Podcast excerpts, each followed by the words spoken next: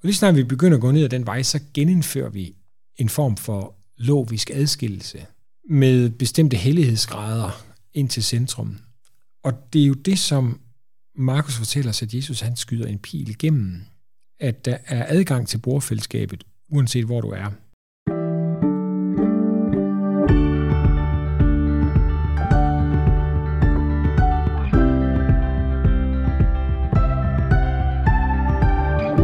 Lytter til Bible Break, en podcast fra Bibellæseringen. Jeg hedder Nikolaj, og jeg er vært for podcasten.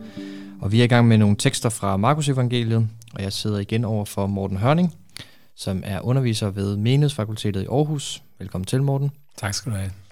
Vi er nået til Markus Evangeliet kapitel 2, vers 13 til 28, og jeg starter med at læse teksten. Jesus gik atter ud langs søen, og hele skaren kom til ham, og han underviste dem. Da han gik videre, så han Levi, Alfeus' søn, sidde ved tolvboden, og han sagde til ham, Følg mig, og han rejste sig og fulgte ham. Senere sad Jesus til bords i hans hus, og mange tollere og syndere sad til bords sammen med ham og hans disciple, for der var mange, som fulgte ham. Da de skriftkloge blandt farisæerne så, at han spiste sammen med syndere og tollere, spurgte de hans disciple, Hvorfor spiser han sammen med tollere og syndere? Men da Jesus hørte det, sagde han til dem, de raske har ikke brug for læge, det har de syge. Jeg er ikke kommet for at kalde retfærdige, men syndere. Johannes og disciplene og farisæerne holdt faste. Der kom der nogen til ham og spurgte, Hvorfor faster Johannes' disciple og farisæernes disciple, men dine disciple faster ikke? Jesus svarede dem, Kan brudsvendene faste, mens brudgommen er sammen med dem? Så længe de har brudgommen hos sig, kan de ikke faste. Men der kommer dage, da brudgommen er taget fra dem, og den dag skal de faste. Ingen sætter en lap af ukrympet stof på en gammel kappe, for så river de den nye lap på det gamle i stykker, og hullet bliver værre. Og ingen fylder ung vin på gamle ledersække, for så springer vinen sækkene, og både vin og sække ødelægges. Nej, ung vin på nye sække. På en sabbat kom Jesus forbi nogle kornmarker, og undervejs begyndte hans disciple at plukke aks. Farisæerne sagde der til ham, Se der, hvorfor gør de noget, som ikke er tilladt på en sabbat? Så sagde han til dem, har jeg aldrig læst, hvad David gjorde, da han og hans mænd manglede mad og blev sultne? Hvordan han på ypperste præsten Ebiatars tid gik ind i Guds hus og spiste af skuebrødene, som det kun er tilladt præsterne at spise, og til med gav sine mænd noget? Og Jesus sagde til dem, Sabbaten blev til for menneskets skyld, og ikke mennesket for sabbatens skyld. Derfor er menneskesønnen herre også over sabbaten.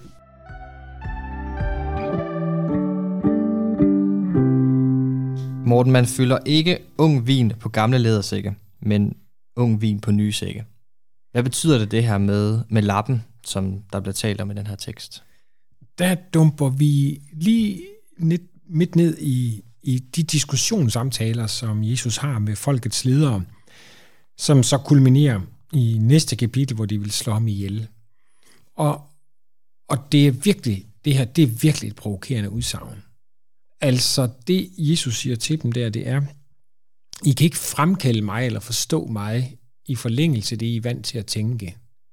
I er faktisk nødt til at omvende jer og få et helt nyt øh, forståelsesapparat. Så de har måske tænkt om Jesus, jamen det kan være, at han er en, okay, en lidt særlig profet måske, øh, han kan lidt mere, men han er ikke mere en profet. Hvor Markus er så ved at fortælle os, at Jesus han er faktisk evangeliet om Messias.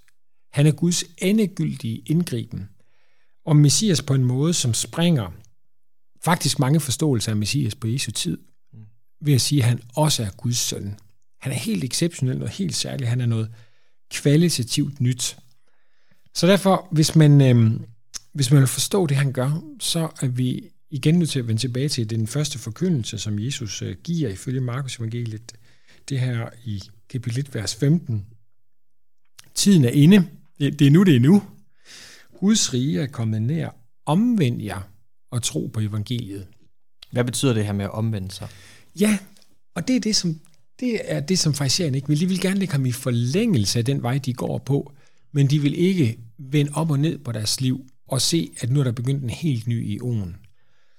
Så omvendelse her, det tror jeg betyder noget i retning af at, at følge en ny vej, tænke på en ny måde, øhm, ligesom se, at nu kommer der ikke bare endnu en profet, men der begynder en helt ny frelsestid. Og det er bare, øh, det er bare rigtig svært, fordi at den måde, som Jesus demonstrerer, hvad den nye frelsestid rummer af goder, kolliderer med noget af det, som de øh, farisæerne er vant til at tænke, og i virkeligheden også i deres gode ret til at tænke. Altså, hvordan kan Jesus arbejde på en sabbat? Hvad sker der lige der? Det er jo ja. imod den gamle måde at se tingene på. Og hvordan kan han sidde til bord sammen med toller og syndere, øh, som, øh, som de anklager ham for deroppe i, i kapitel 2, vers 16. Hvad er den sådan overordnede problemstilling i de her ting, som Jesus, altså det, at han sidder til bords med toller, og det, at han arbejder på sabbaten, hvad er den overordnede? Jamen det er, at Jesus han er ved at redefinere reglerne. Han er ved at lave et nyt skakbræt, hvor, hvor det bliver noget andet, som bliver det afgørende.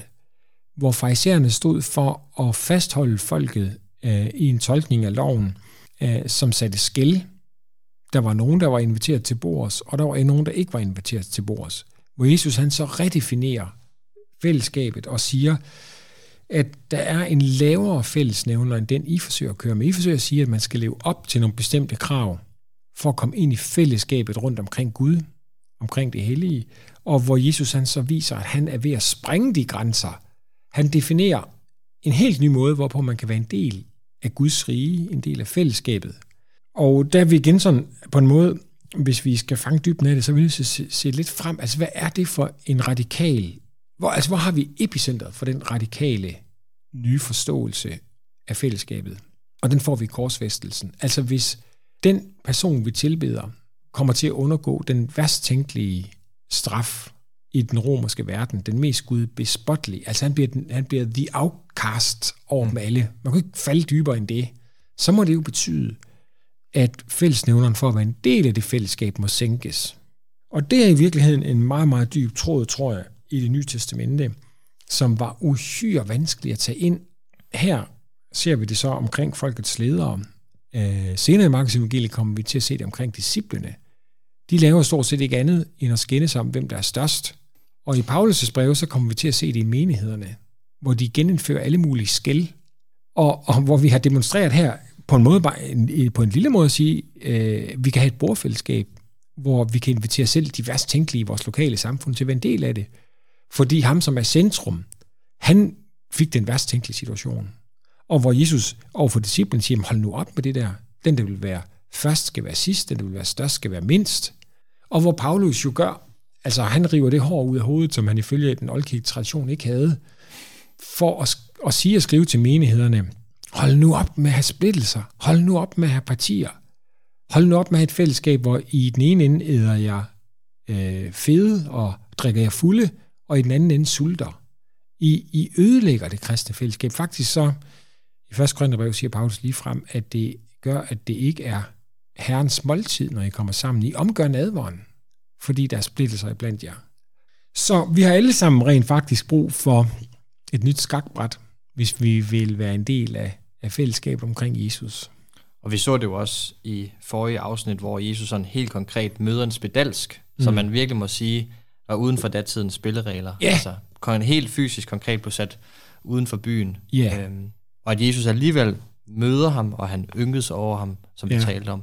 Og jeg tænker egentlig, at, at, at vi simpelthen bare gør med en, en grundudfordring her, som vi ikke sådan må gøre os for hurtigt færdige med. Altså, uden at generalisere, så alligevel, så at generalisere lidt, altså vi tænker på vores egen kristne fællesskaber, så tror jeg, vi, vi kan godt være hurtige til ligesom at, at forkynde, hvordan evangeliet er grænsespringende, og det er inkluderende.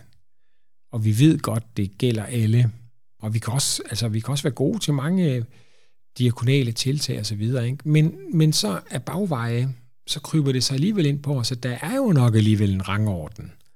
Og der er altså i alt fra faste pladser i, i forsamlingerne, til øh, hvis, øh, hvem der siger de ord, der gælder osv.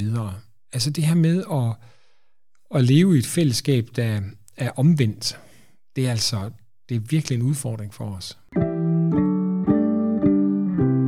Hvordan synes du, den her tekst sådan helt konkret udfordrer os, eller kan hjælpe os på vej i det, at fastholde det her grænsespringende fællesskab, eller det, at man, der var en, der på et tidspunkt øh, til et foredrag sagde, at jeg prøver at se Jesus i de mennesker, jeg har meget svært ved at Mm. øh, kapere.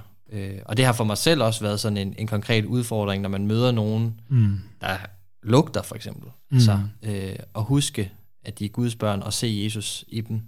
Ja, hvordan tænker du, teksten kan hjælpe os på vej til det? Jeg tror på, altså på dyb plan, så tror jeg, vi skal arbejde med vores øh, enorme trang til anerkendelse og ære. Og den tager vi bare med os i alle mulige relationer, og derfor så tager vi den også med ind i vores menighedssammenhænge. Det vil sige, at vi kommer alt for nemt til at tage poster og positioner, fordi vi gerne vil have anerkendelse. Og lige snart vi begynder at gå ned ad den vej, så genindfører vi en form for logisk adskillelse med bestemte hellighedsgrader ind til centrum.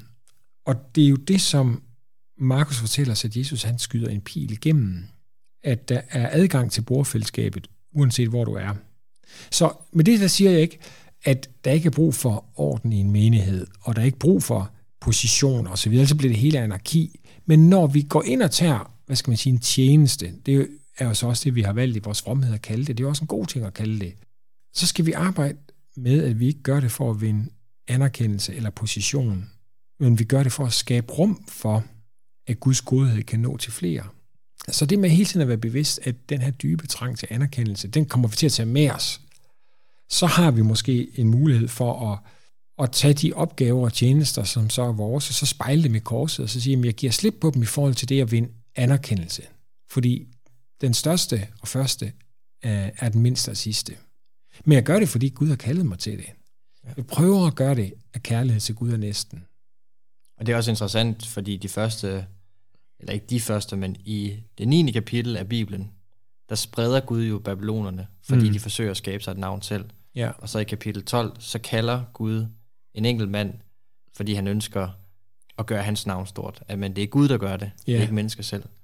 Øh, Så det her, med- jeg synes, du har en meget god pointe i det her med, at vi nogle gange vælger ting, fordi vi gerne vil have anerkendelse. Ja, og historien der om, om Babelstårnet er jo ligesom sådan, man sige, en grundfortælling. Og hvis ikke den, så er det så syndefaldet, Mm. hvor mennesket, hvor Adam, hvor Eva ønskede at være mere end menneske, men at være guddommelig, være Gud selv. Så, så egentlig kan man måske sige også, at, at vi skal passe på med ikke for hurtigt at, at pege fingre af, af folkets ledere, ligesom sige, "Men det er jo dem, de, de er jo nogle tossehoveder, hvorfor kan de ikke se det? I virkeligheden så kommer det til at spejle en udfordring, som vi alle sammen står med i vores møde med Jesus. Nemlig, at øh, vi har brug for på et dybt plan at omvende os fra det, der vores naturlige tolkning, vores gamle måde at tænke på.